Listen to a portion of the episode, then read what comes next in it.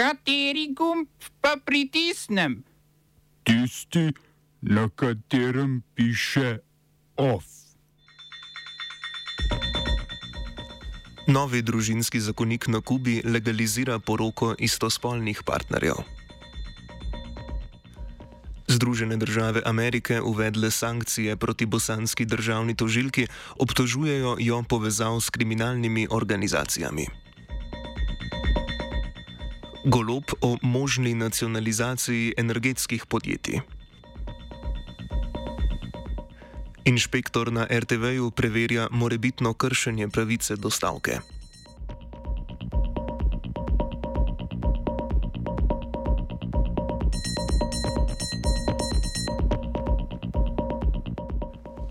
Na Kubi so voljivci na referendumu s skoraj 67 odstotki podpore izglasovali nov družinski zakonik.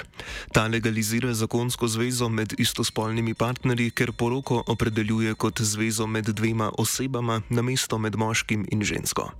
Novi zakonik istospolnim partnerjem omogoča tudi posvojitev otrok. Med drugim dovoljuje nadomestno materinstvo, pri čemer ne sme priti do izmenjave denarja. Referendumu so nasprotovali vedno številčnejši evangeličani na Kubi in pripadniki drugih verskih skupin, ki so z glasnimi kritikami že onemogočili poskus sprejetja zakonika leta 2019.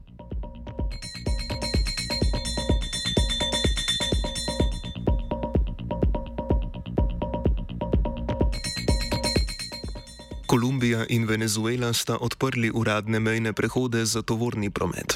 Ti so bili zaradi političnega spora med državama sedem let zaprti, od tega tri leta popolnoma. K izboljšanju diplomatskih odnosov in odprtju mej se je zavezal junija izvoljeni predsednik Gustavo Petro, preden je nasledil nekdanjega konzervativnega predsednika Ivana Dukeja, ki je leta 2019 prekinil diplomatske odnose. Tako bo med državama unovično potekala trgovina, ki naj bi predvsem Venezueli pomagala uvažati nekatere osnovne surovine. Prav tako so se ponovno vzpostavili komercialni leti, Petro in venezuelski predsednik Nicolás Maduro pa napovedujeta tudi obnovitev vojaških odnosov.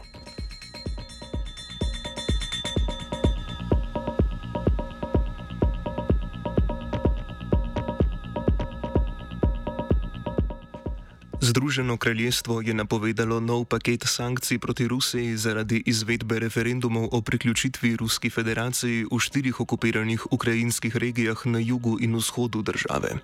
Britanske oblasti so referendume označile za prevaro, sankcionirale pa bodo njihove organizatorje in proruske voditelje v okupiranih regijah.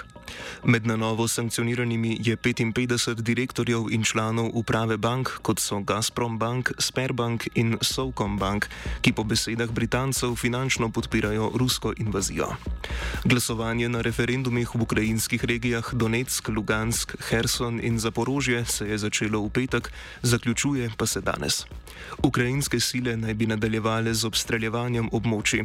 Ukrajinska vlada se je na izvedbo referendumov odzvala tudi z napovedjo, da bodo vsi Ukrajinci, ki so ruskemu okupatorju pomagali pri organizaciji, teh je več sto, zaradi izdaje kaznovani z najmanj petimi leti zaporne kazni.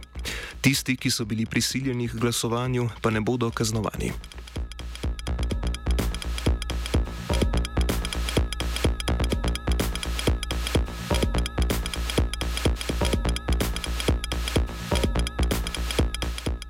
Med burnim dogajanjem na rusko-ukrajinski fronti je Vladimir Putin podpisal dekret, s katerim je ameriškemu žvižgaču Edwardu Snowdenu in še 72 tujim državljanom ponudil rusko državljanstvo.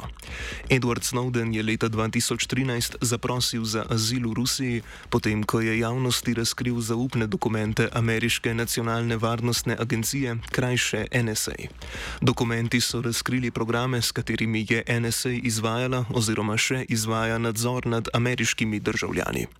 Snowden je v Združenih državah Amerike obtožen kršitev zakona o vohunjanju, kar pomeni, da bi ga čakalo sojenje brez porote, grozi pa mu najmanj 30 let zaporne kazni. Snowden je skupaj z ženo leta 2020 zaprosil za rusko državljanstvo, da ne bi bila ločena od njunega novorojenega sina. Istega leta je ruska vlada Snowdenu zagotovila stalno prebivališče.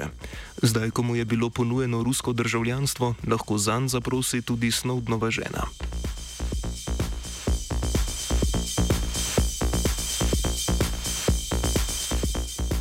Ameriško ministrstvo za finance je uvedlo sankcije proti bosanski državni tožilki Dijani Kajmakovič. Združene države tožilko obtožujejo sodelovanja pri korupciji ter spodkopavanja demokratičnih institucij in procesov. Obtožujejo jo tudi povezav s kriminalnimi organizacijami. Njeno ime naj bi namreč zasledili v aplikaciji za kriptirana sporočila Sky ECC, za katero američani trdijo, da jo uporabljajo kriminalne združbe po vsem svetu. Kot vodja oddelka za korupcijo na bosanskem državnem tožilstvu je Kajmakovič po trditvah ameriškega finančnega ministrstva pomagala prikrivati dokaze in preprečevati kazenske pregone. Smo se osamosvojili, nismo se pa osvobodili. Naslednje število je še 500 projektov.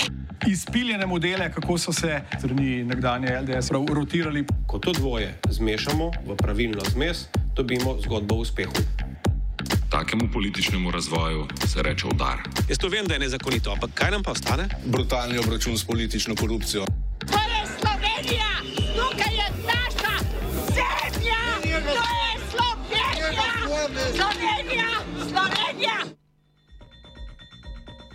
Vlada je na dopisni seji potrdila predloge davčnih sprememb in jih poslala v obravnavo v državni zbor. Gre za predloge zakonov o dohodnini, o trošarinah, o davčnem potrjevanju, računov, o davčnem postopku in o finančni upravi. Paket davčnih sprememb uvaja novosti pri obračunavanju dohodnine, drugačen način obračunavanja trošarin na gorivo za kmete in ponovno uvedbo obveznosti izročanja računa, ki ga bo moral kupec hraniti do izhoda. Spreminja se tudi področje normiranih samostojnih podjetnikov, torej tistih, ki upoštevajo enotno določeno normo za dohodninsko osnovo. Normiranci s prihodki do 25 tisoč evrov na leto bodo obdavčeni enako kot doslej, tisti z višjimi prihodki pa bodo morali dohodnino plačati po novi formuli in bodo državi prispevali nekoliko več davka.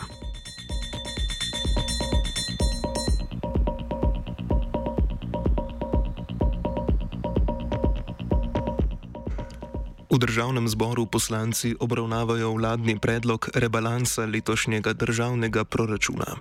Vlada je v proračunu 750 milijonov evrov rezervirala tudi za dokapitalizacijo energetskega sektorja, a predsednik vlade Robert Golob pravi, da se pri tem ne bomo šli komunizma. Energetska kriza prinaša za sabo tudi nekatere fenomene, če hočete, na evropskem nivoju, ki jih nihče ni predvideval. Nemška vlada je pred tednom dni nacionalizirala največjega dobavitelja zemeljskega plina v Nemčiji, ki je bil sicer predtem v lasti finskega podjetja Fortum. S tem namenom, ker tudi pri nas pričakujemo podobne težave v energetskem sektorju, smo rezervirali 750 milijonov za dokapitalizacijo, če bo potrebna, energetskega sektorja. Ta del je v B bilanci proračuna rebalansa in je izjemno pomemben, zato da z njim ohranimo stabilnost energetskega sistema. Čisto možno je, da boste v kratkem roku naslednjega meseca slišali, da bo tudi Slovenija nacionalizirala kakšno podjetje.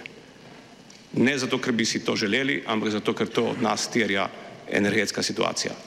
In pri tem ne bomo, se ne bomo šli nobenega socializma ali komunizma, ker tudi Nemci se tega ne grejo, ampak se bomo šli reševanje energetske situacije ker je primarni cilj, ki ga bomo zasledovali, stabilna oskrba z energenti. In to je tisti ultimativni cilj, ki ga bomo morali vse čas imeti pred očmi.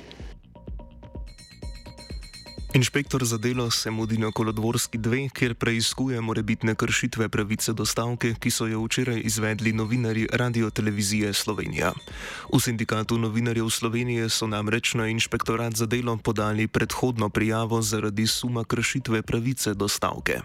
Kot nam je pojasnila predsednica sindikata Alenka Potočnik, seznam vseh kršitev, ki so se zgodile, še dopolnjujejo in bodo polno prijavo še podali.